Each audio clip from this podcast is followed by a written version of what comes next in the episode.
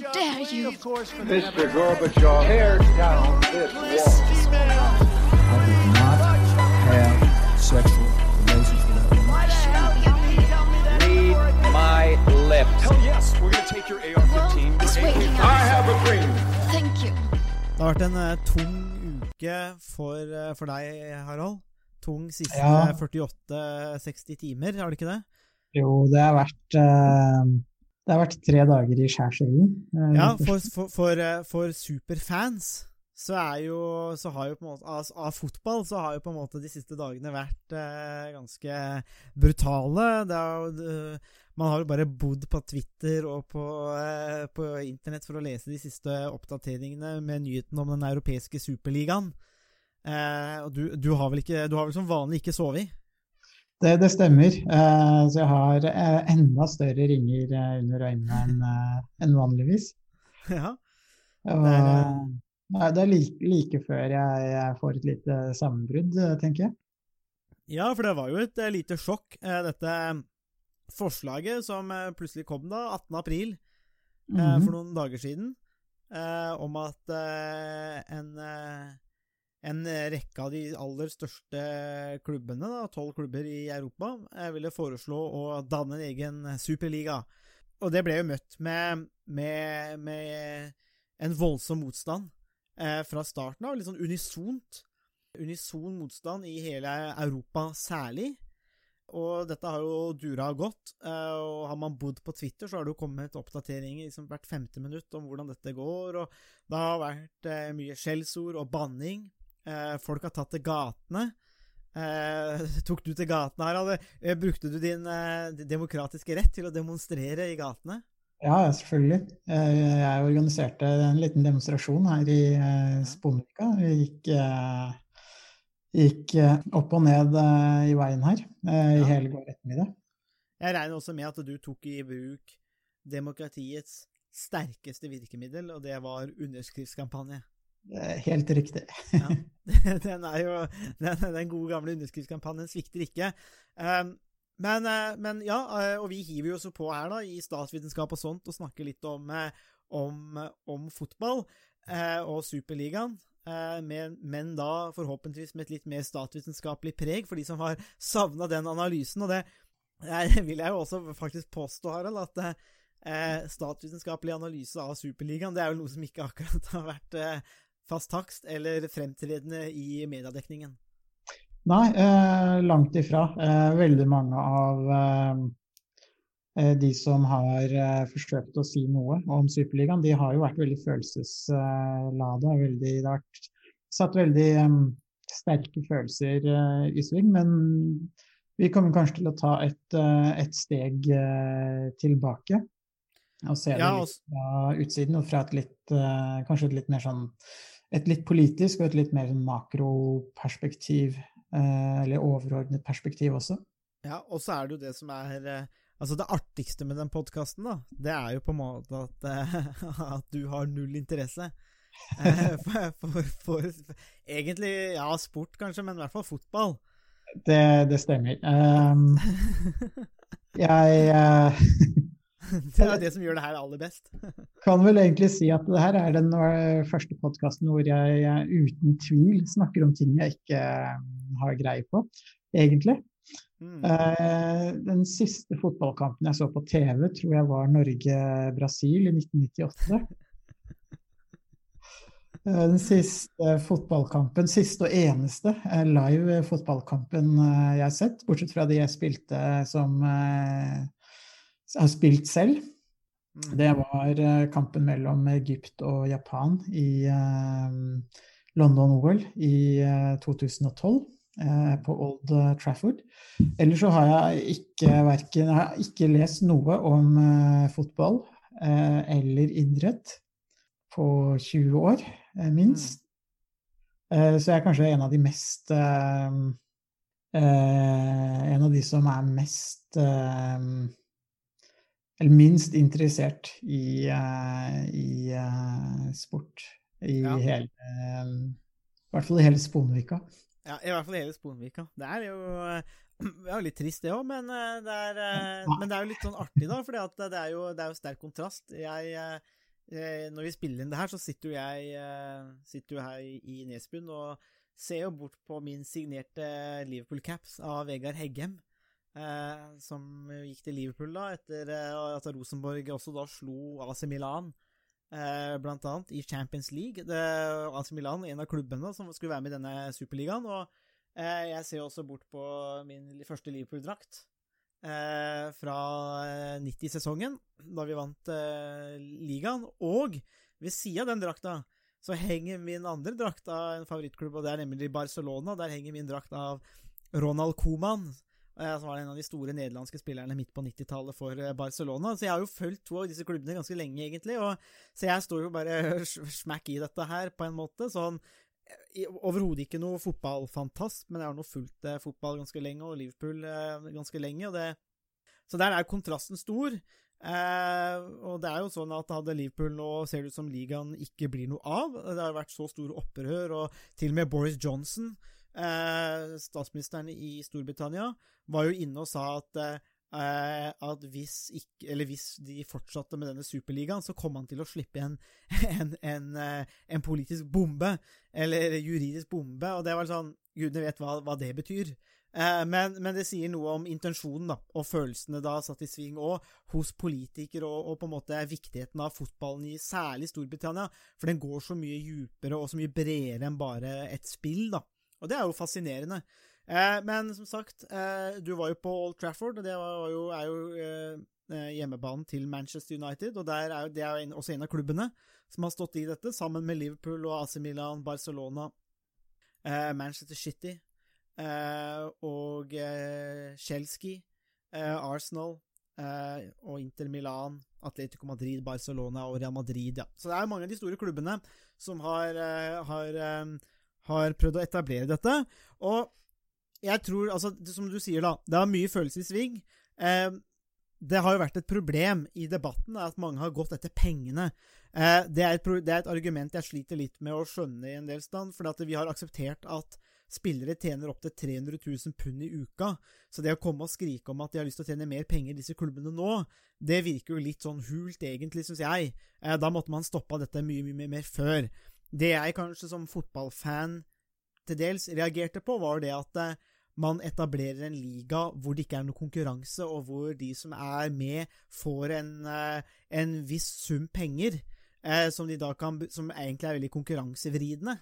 For de blir mye rikere enn de andre klubbene, og så skal de bare bestemme hvem som får lov til å være med. Og det, det går ikke inn på om du har fortjent det, da. Og det går jo egentlig litt mot sportens prinsipper, og det går jo egentlig mot kanskje det mange tenker på som rettferdig òg, at du skal på en måte gjøre deg fortjent til, eh, til disse tingene, da.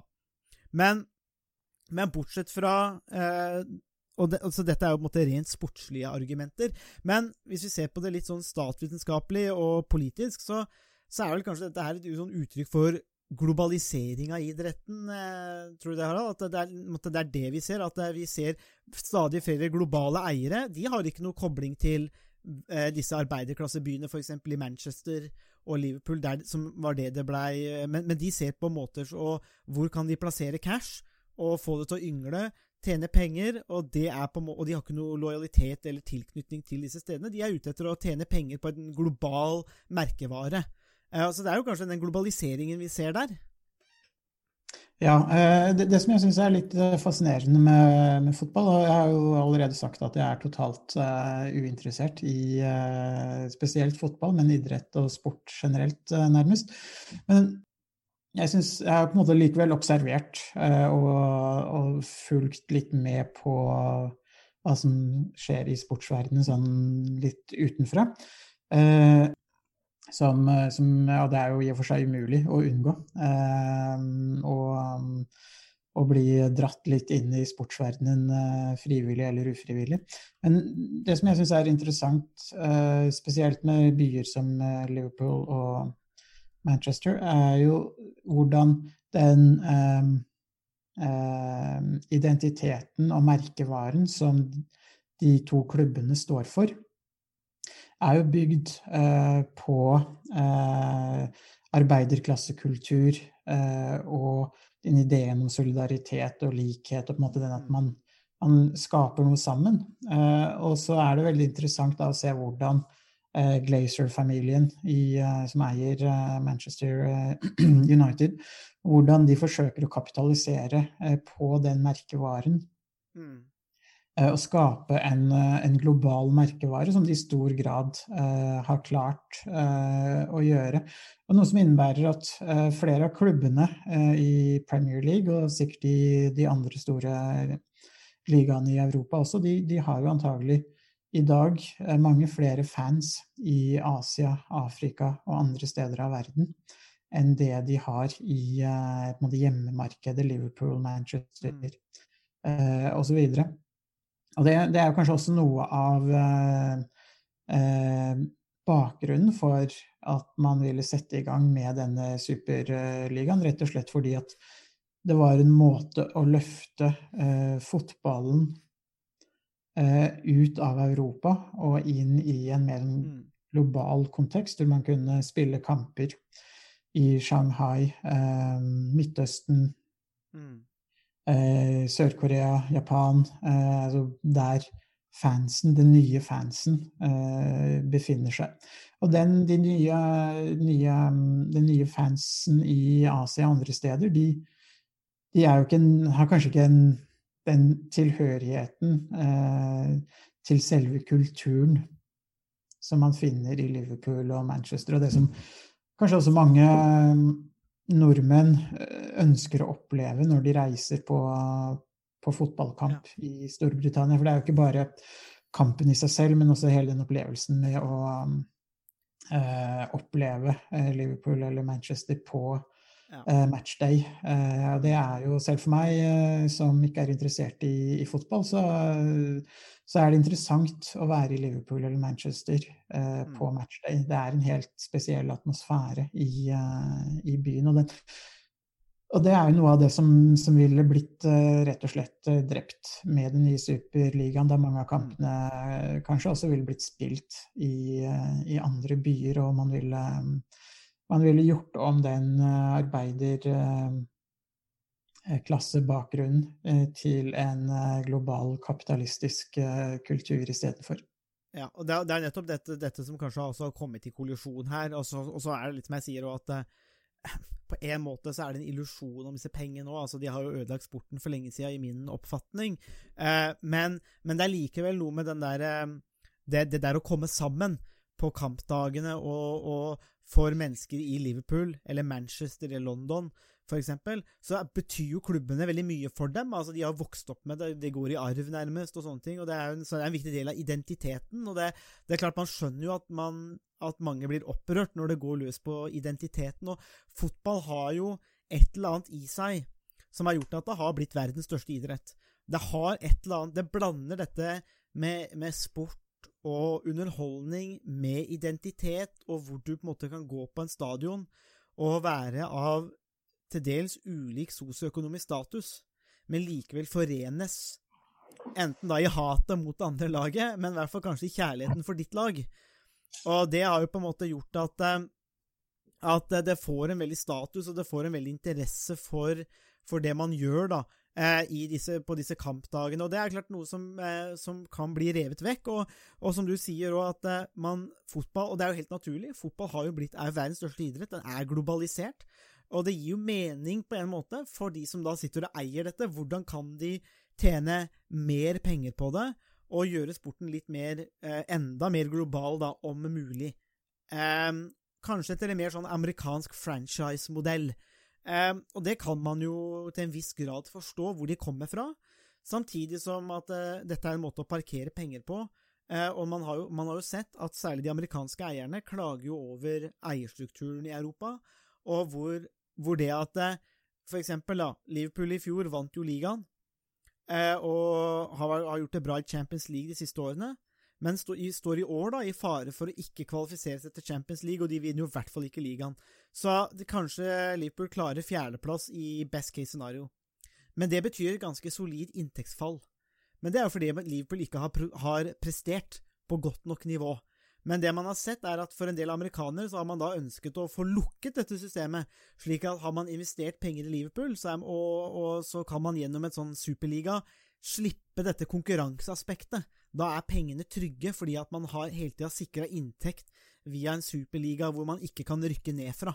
Man faller ikke ut av superligaen. Og det, det er jo også en sånn eh, ja, eh, et, et, ganske sånn alvorlig aspekt, men der tenker jeg også at hvor teknologi, fotball, er i rivende utvikling, det er helt naturlig. Champions League var i sin tid en nyskapning som gjorde, som gjorde omvending på det strukturen som var i Europa da. Eh, og denne teknologien og denne utviklingen er helt naturlig. Den har kanskje akselerert med internett og med sosiale medier. Og så ser jeg at, da at eiere forsøker å kapitalisere på dette, men hvor det, hvor det, støter mot dette identitetsfølelsen og nasjonalismen. og Det er jo også kanskje noe vi kan snakke om, Harald. For det er jo ganske spesielt at nå har en idrett, så plutselig så forenes Keir Starmer i Labour og Boris Johnson i liksom sånn politisk enighet om at, at Nei, eh, free market capitalism, sa jo Boris. Han var free marketeer. Men når det kom til fotballen, da var det stopp. Det her gikk ikke an. Og, det, og, og er, det, er, dette da, tenker du, også et eksempel rett og slett på hvor vi ser Så tenker vi Stein Rokkan, da, og kanskje litt det sentrum-periferi, men kanskje globalisme mot nasjonalisme. Ser vi også her kanskje også hvordan disse to strømningene støter mot hverandre. da, Globalisering, denne akselerasjonen, og det litt mer sånn identitetsbaserte, territorielle, som plutselig kommer i krasj. da. Ja, absolutt. Eh, noe av det som er interessant med fotball, er jo hvordan det har vært eh, med på å eh, Det har vært en del av nasjonsbyggingsprosjektet i, i mange land, og kanskje først og fremst i, i Storbritannia. Og det som er interessant med den engelske det engelske fotball, eller måten fotballen er organisert på i England, men også i store deler av Europa, er jo nettopp det at alle eh, byer, tettsteder, lokalsamfunn har sin egen eh, lille eller store klubb. Eh, og alle har hatt muligheten til å delta i alle, alle, lag har hatt muligheten til å delta i ulike turneringer på ulike nivåer. Og det, det har vært med på å, å, å bygge nasjonen, eller nasjonene, i, i England og og eh, resten av Europa. Eh, og det har også vært, eh, vært viktig for å skape slags, et slags lokalt samhold i ulike, de ulike regionene i Storbritannia også.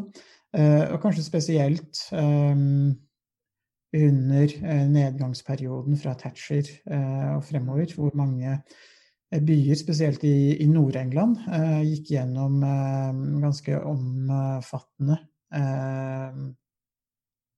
endre, sosiale, politiske og økonomiske endringer. Industrien forsvant, og jobbene forsvant. Og noe av identiteten forsvant sammen med det. Men fotball var noe av det som Eh, fotballen var noe av det som sto igjen. Eh, noe av det som, eh, som skapte eh, en identitet hos mange. Eh, briter. Og det er jo så interessant at man i, i Storbritannia så har man jo flere ligaer.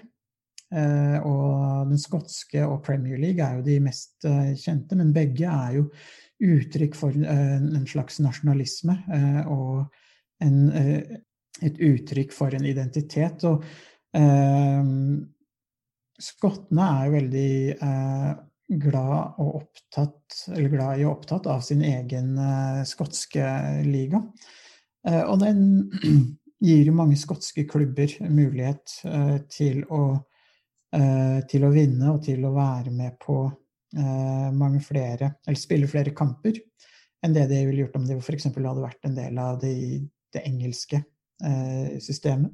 Men det er også, eh, jeg syns det er veldig interessant eh, det du har vært inne på eh, med hvor, hvordan penger er blitt styrende i, i fotballen. Det som jeg syns har vært veldig interessant, er jo hvordan Hvis man ser på økonomien til de ulike klubbene, så for mange av toppklubbene i, i Europa så går jo nesten opp mot 90 av uh, kostnadene går til spillerlønninger. Mm. Uh, og uh, det viser jo at på en måte så er det spillerne som, som egentlig tjener aller best på den fotballmodellen man har i Europa i dag. Klubbene, mange av klubbene har jo ganske svak økonomi. Og det er jo noe av bakgrunnen for at de klubbene som ønsket å mm, etablere Superligaen,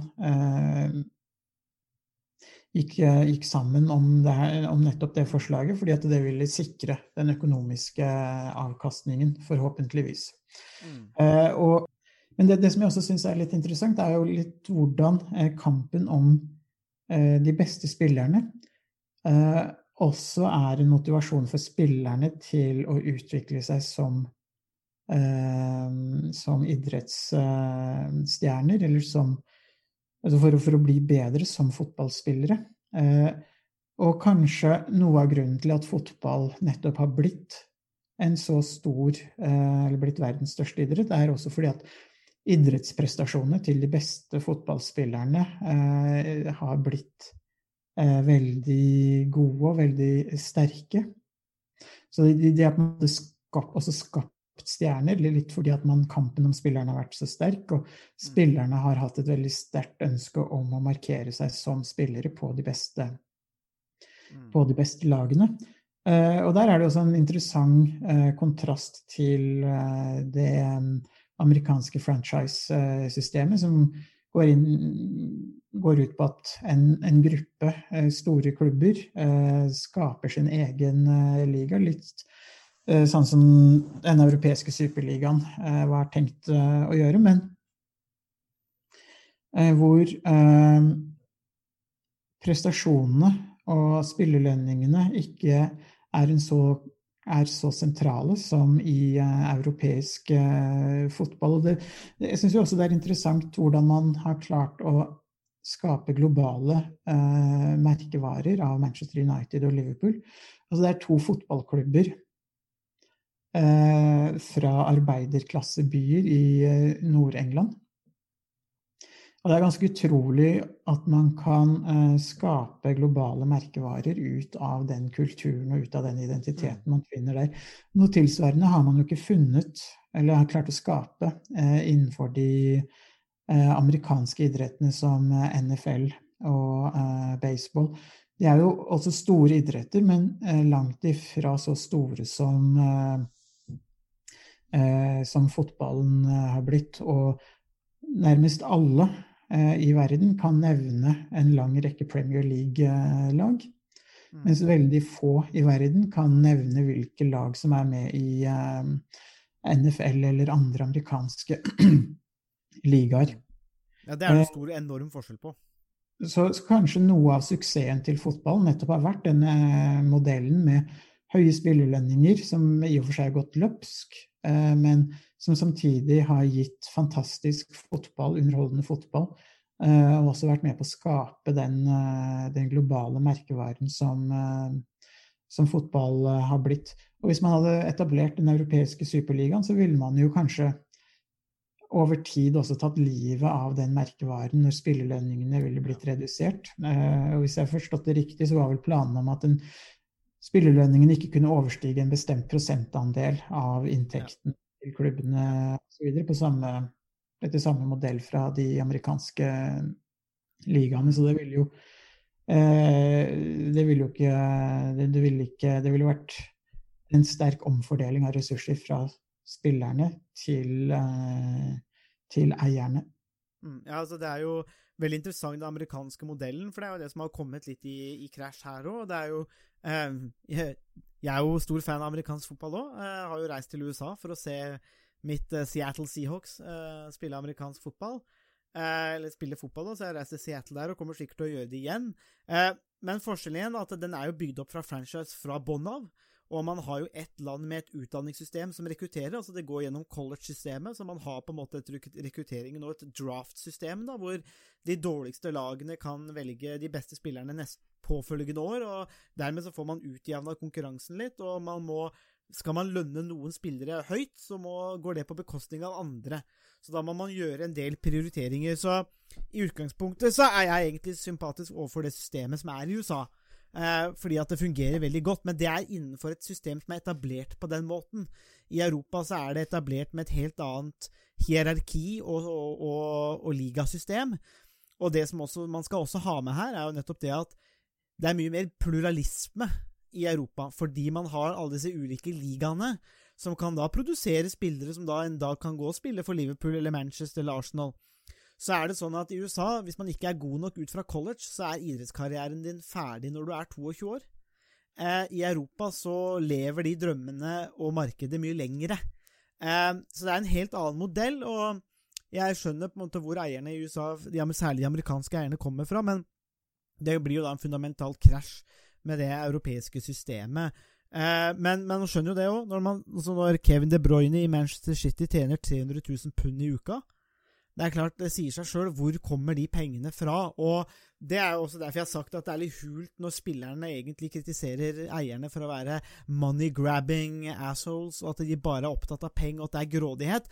Jeg vet ikke om spillerne kommer så mye bedre ut av den analysen, egentlig, altså. Uh, og det er greit nok, og så kan man si at markedet bærer det markedet vil bære, men samtidig så ser vi kanskje at markedet faktisk ikke bærer det lenger, da, når en del klubber ser seg nødt til å uh, gjennomføre tiltak for å prøve å grabbe til seg enda mer penger så er det ofte så er jo det for mange av disse klubbene, sånn som Real Madrid, som er en kjempegjeld, så er jo dette et desperasjonstegn nå.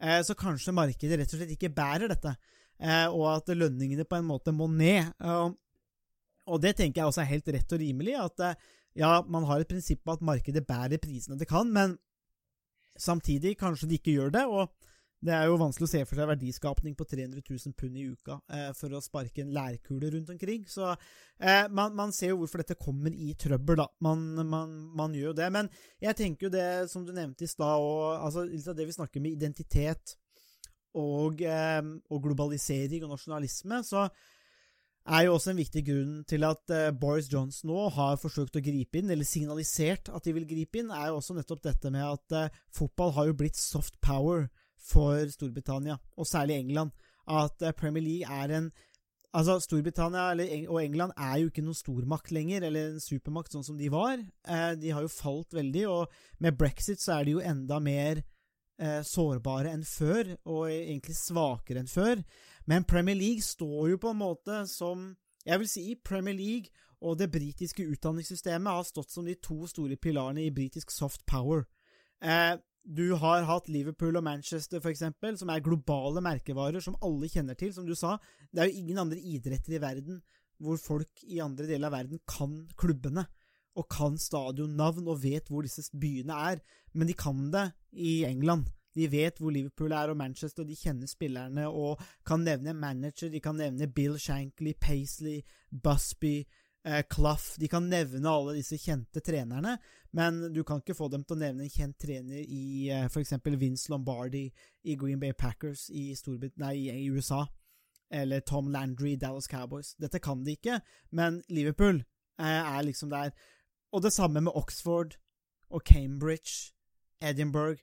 Dette er universiteter og byer mange i ulike deler av verden har et forhold til. Og begge, tenker jeg, rammes jo nå Altså, eh, Super League har jo egentlig ramma litt av det britiske softpoweren i fotball, og brexit tenker jeg rammer jo det andre softpoweren med utdanningssystemet. Så det er jo eh, egentlig en liten sånn eh, krisetid på mange måter for England og Storbritannia, syns du ikke det? Det var et ledende spørsmål, Harald, ja. men den, den, tar du. det, det, er jo absolutt um Litt, eh, litt, krise for, eh, for Storbritannia. Eh, både brexit og de planene om Superligaen. Nå blir det jo ikke noe av den Superligaen, ser det ut til. Og det er jo er det jo ikke så mange andre enn noen få av eierne i klubbene som gråter over. Det som er interessant med, med Storbritannia, er jo hvordan de har eh, gått fra å være, eh, ha et stort imperie eh, for ikke lenge siden, 100 år omtrent, til i dag å være sånn gjennomsnittlig, et gjennomsnittlig land i Europa, i beste fall. Og det, er, det er jo ofte vært kriser som har definert Storbritannias historie og forhold til, til resten av verden. Eh, for ikke lenge siden, så, eller mange uker siden, så var det jo mye oppmerksomhet rundt den, eh, det frakteskipet som eh, satt fast i Suezkanalen. Og da var det mange som, som begynte å snakke om Suezkrisen i 1956, hvor Storbritannia var med på en, en kort, liten krig og gikk tapende ut. Eh, og eh, fikk bekrefta at nå var det ikke lenger en eh, stormakt når det gjaldt det man kan kalle hard power, eller militær makt. Mm. og siden 1956 så har de forsøkt å bygge opp den, det man kaller soft power, mm. som handler om det at man har et slags har makt når det gjelder ideer og har en attraktiv eh, Har en del attraktive eh, kultur eller lignende som, som, man kan bruke som en slags kapital i internasjonal politikk. Og utdanning og fotball har jo vært de to viktigste pilarene i Englands soft power. og, og med brexit eh, og ved en eventuell eh, europeisk superliga, så ville begge de to pilarene i eh, Storbritannias soft power blitt undergravd. Mm. Da utdanningsbiten har allerede blitt undergravd ved at det er vanskeligere å gjennomføre forskningssamarbeid mellom europeiske og britiske forskere. Eh, og eh, det vil også på sikt antagelig innebære færre eh, europeiske studenter ved britiske universitet. Og Superligaen vil også nedgradert Premier League til en litt mindre viktig liga. Og da ville Englands eller Storbritannias soft power bli redusert i enda, enda større grad. Så det er kanskje noe av det som er med på å, eller noe av den bakgrunnen for uh, hvorfor Boris Johnson gikk så hardt ut uh, for noen dager siden. Selv om det er uklart hva han ville kunne gjort. Mm. Uh, om det var mulig å kunne stoppe den type, den type ligaer. Ja. ja. det er jo, er jo, umulig å si. Men det er jo ingen tvil om at motstanden mot det har gjort at de har snudd. Og, men dette er jo ingen det er jo antageligvis ikke siste gang vi kommer til å se, men eh, nå har man jo også sett da, at i Storbritannia at det er også eh, eh, Boris Johnsons regjering går også nå inn for eh, mer eh, regulering av fotballen og utenlandsk eierskap. da. Så vi får se hva det blir til. Det er langt vei, lang vei fram dit, men det er mange som har bedt om en mye sterkere uavhengig kontroll av Premier League og hvordan det driftes, og kanskje at det skal driftes etter en tysk eierskapsmodell hvor utenlandske eiere vel ikke kan eie mer enn 49 eh, av en klubb, og at resten må være mye, mye mer supporterbasert og i, i, de ulike communities. Men, men, det er noe med den, eh, tenker jeg òg, at eh, på en måte så fikk vi en liten forsmak kanskje også litt på kapitalismens destruktive kraft. Eh, på en måte. Det å bryte opp disse miljøene, bryte opp eh, sånn identitet, altså på jakt etter penger. og eh, og det vet vi jo, altså kapitalisme skaper jo så mye, det vil jo også skapt et tilbud. Men, men, det vil også bidra til å rive ned, og noen ganger så kan det hende at det, det river ned sterke sosiale strukturer, og det var jo også derfor Sovjet i mange år eh, ikke implementerte en del nye fabrikkteknikker eller teknologier, fordi at det, det, ville gjort at de måtte flytte fabrikker og lokalsamfunn og bryte opp lokalsamfunn. Og I Sovjet så valgte man jo da å, og, ikke gjøre det, og det gikk jo på bekostning av produktivitet og lønnsomhet og effektivitet, og som gjorde også at de, de falt lenger tilbake. Da. Det, det, og dette er jo på en måte en slags ja, er noe som går inn i det store bildet, da, hvis vi, hvis vi ser litt større på det, tenker jeg.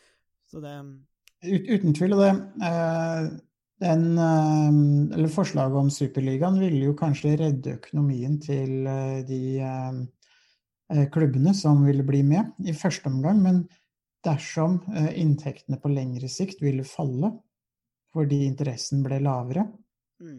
eller ble mindre interesse, så ville man jo også tape på lang sikt. Og det er jo noe av det som, eh, som man også ofte ser i, eh, i kapitalismen, at eh, kortsiktig profitt noen ganger overstyrer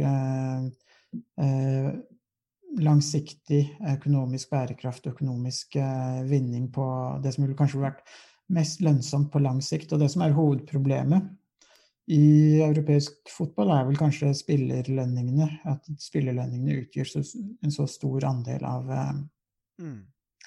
av kostnadene. Og så er det også interessant eh, hvordan, eh, som, du var inne på, hvordan kapitalismen som et økonomisk system er med på å skape eh, sosiale endringer og omskape måtte, samfunnene som de, eh, de, er en del av.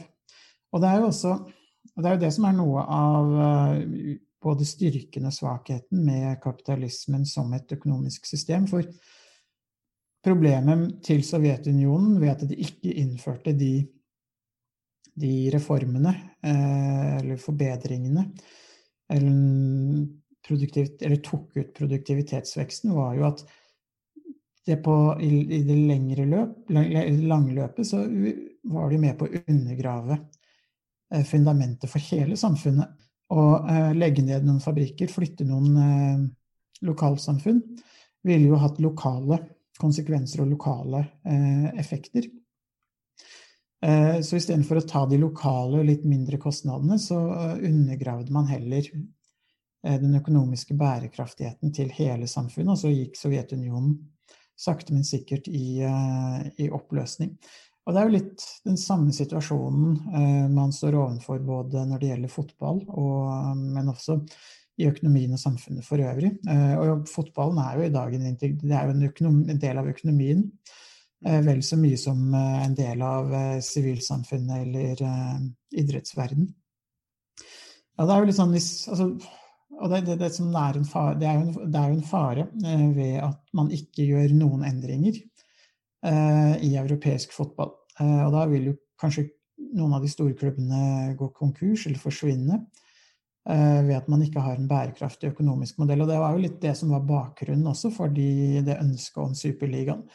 Så eh, det er ikke noe tvil om at man må gjøre endringer i den europeiske fotballmodellen for å skape lønnsomme, eh, bærekraftige, en bærekraftig klubbøkonomi. Men samtidig så var jo den løsningen som ble valgt, kun en løsning som kanskje ville gi inntekter på eh, kort, eh, på kort, på kort tid, eller på kort, en kort tidshorisont, og som på lengre sikt ville skape en, eh, en, nedgang. Og det er også noe man ser i, kapitalismen, hvordan ulike næringer, ulike bedrifter vokser. Eh, og eh, ofte eh, over tid også svekker seg og blir mindre.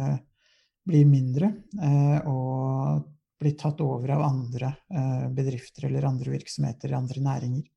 Mm. Det, er jo, det, er jo, flere ting i det du nevner der som er interessant, nå som vi nærmer oss de fem siste minuttene av omgangen, og vi må flytte laget høyere opp på banen. Eh, så må vi eh, gjøre om litt på taktikken der. Ja, det er sånn det fungerer, altså. Mm? Så det er sånn det fungerer, altså. Ja, altså det er sånn det gjør. Nå går vi over i en 4-3-3, klassisk Rosenborg-formasjon.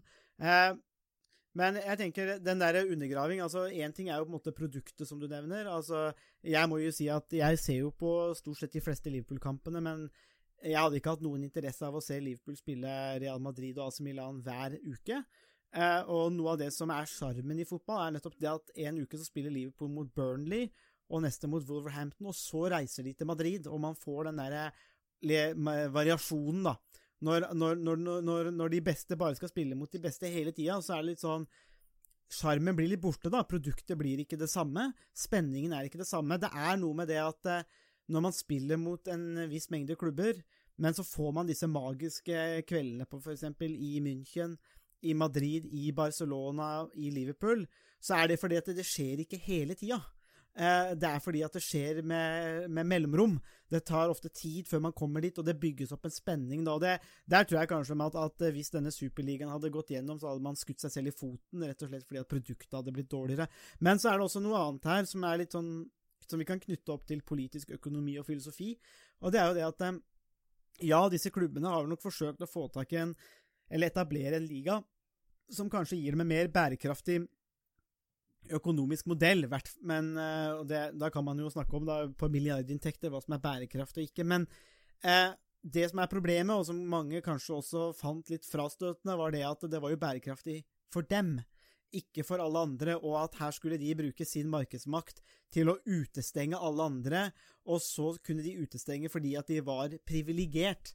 Eh, det vil si at man kunne da ha bedre fotballklubber i Europa, som ikke fikk ta del i den samme prisen og de samme pengene og den samme statusen. De var kanskje bedre fotballklubber, men fordi noen da hadde operert som gatekeeper, så ville de sagt at nei, vet dere hva, ferdigheter, resultater, de betyr ingenting. Det som betyr noe, er statusen. Og da eh, støter man det, det jeg tenkte umiddelbart, var jo igjen Adam Smith og hans advarsler mot nettopp hvordan når rike og mektige kommer sammen, så konspirerer de litt mot allmennheten, og man vil ikke ha den konkurransen. Og det det jeg, var det, var det, var det første jeg tenkte på. Det eh, var rett og slett at eh, det var nok ikke fotball Adam Smith tenkte på, men eierskapsstrukturen her er jo akkurat det samme. Hvordan kan vi måte konspirere mot de andre? og eh, det går jo mot alt man tenker på av liberalisme, eksempel òg. Level playing field. Eh, at har man ferdigheter, har man ressurser til å kjempe seg opp og fram, til å klatre i stigen, så skal man ha lov til det. Mens her så tar jo disse tolv klubbene og sager av stigen i bånn og trekker den opp etter seg, slik at ingen andre skal kunne utfordre dem. Og det, Dermed så støter du også mot eh, vil jeg si, eh, en klassisk libera liberalisme og det klassiske forsvaret for at man ja, har man ferdigheter og man klarer å evne å skape noe og utnytte sine egne ressurser og maksimere de, så skal man også belønnes for det. Man skal ikke utestenges fordi at noen har sagt at du skal utestenges. Og det tenker jeg, i hvert fall mitt sånn politisk-filosofiske standpunkt, da. Ja, eh, kapitalister eh, snakker veldig varmt om eh, konkurranse helt til de selv blir utsatt for konkurranse. Og da vil de gjerne løse det ved å fjerne konkurransen. Og det var jo egentlig det disse klubbene hadde ønske om å, om å gjøre også. De ville, de ville beholde alle inntektene selv, og ikke dele, de, dele inntektene med de de andre brysomme konkurrentene i Frankrike og Tyskland og andre steder. Så kan man jo si hva man vil. altså Det er klart det er jo en stor inntektsforskjell mellom disse klubbene, så på en måte så er det jo ikke level playing field heller. For det, det sitter jo noen klubber med svært rike eiere som kan betale høyere lønninger eller betale mer for de beste spillerne. Men i det minste da, så er det et system hvor konkurranse er mulig. Eh, i dette Superligaen så ville jo ikke konkurranse vært mulig. Eh, og det går jo liksom litt eh, mot alle disse prinsippene, da. Men er det ikke fascinerende nå, Harald, altså tenk på alt det annet vi Nå som vi nærmer oss 45 minutter, at det er jo mange andre ting i samfunnet vårt som, som preges av sosial eller økonomisk ulikhet, ulikhet eller kanskje, kanskje, mer økonomisk urettferdighet, kanskje, altså hvor man har monopolister eh, kartellvirksomhet, nærmest, som grabber til seg, men som ikke eh, får samme type oppmerksomhet. Mens i fotball, der eh, så man plutselig kraften i det. Det er, det er jo litt fascinerende. Ja, eh, jeg, selv jeg eh, synes ja. jo faktisk det. Eh, nei, det, er, det er jo veldig interessant, fordi at vi det, det, her er jo noe jeg egentlig ikke helt klarer å forstå. fordi vi er jo ekstremt opptatt av likhet i mange sammenhenger. Vi er, vi er ekstremt opptatt av politisk likhet, f.eks. Hvis noen foreslår i dag eh, eh, at en gruppe skal ha flere stemmer enn andre, eh, så vil man jo omtrent bli kjeppjagd eh, fra Norge. Men hvis man sier at folk skal ha forskjellig eller ulik inntekt, Eh, og at det skal være eh, ulike altså, så økonomisk, økonomiske ulikheter og økonomiske forskjeller aksepterer vi i veldig stor grad, eh, mens vi ikke aksepterer politiske likheter. Og det, det som er, jeg syns er rart med det, er jo at vi stemmer jo annethvert år, i beste fall. Mens vi er jo en del av et av økonomisk samarbeid, minst åtte timer eh, om dagen, de fleste voksne. Eh, så den delen, av, som tar måte, den delen av samfunnet som vi bruker mest tid på, det er der vi også aksepterer størst grad av ulikhet. Mm. Og det, det, akkurat det klarer jeg ikke helt å få til å, å, å stemme. Jeg skjønner liksom ikke helt Altså hvis Hvorfor er ikke økonomisk ulikhet eh, prioritert høyere blant folk? Og hvorfor gjør man ikke noe mer med det hvis man tenker det, det er viktig? Hvorfor aksepterer man det? Og hvorfor er politisk likhet så viktig? Mm. Er ikke, kunne man ikke altså, hva, hva ville vært galt med større politisk eh, Eller med mindre politisk likhet? Er det Hvorfor reagerer alle så sterkt på det? Mm. Når man ikke reagerer på økonomisk likhet, hva er forskjellen mellom de formene for ulikhet? Mm. Så der er jo veldig mange eh, Spørsmålet om ulikhet er jo veldig, eh, veldig spennende. Fotballen illustrerer jo det i veldig stor grad. eh, Hvor de beste stjernene eh, tjener eh, Per uke trener, tjener fem-seks ganger så mye som det en førsteamanuensis eh, ved Høgskolen i Østfold tjener i løpet av et år. Ja. Eh, Så i løpet av én dag så tjener de beste betalte fotballspillerne like mye som eh, en førsteamanuensis tjener i løpet av et år. Mm. Og det er jo ganske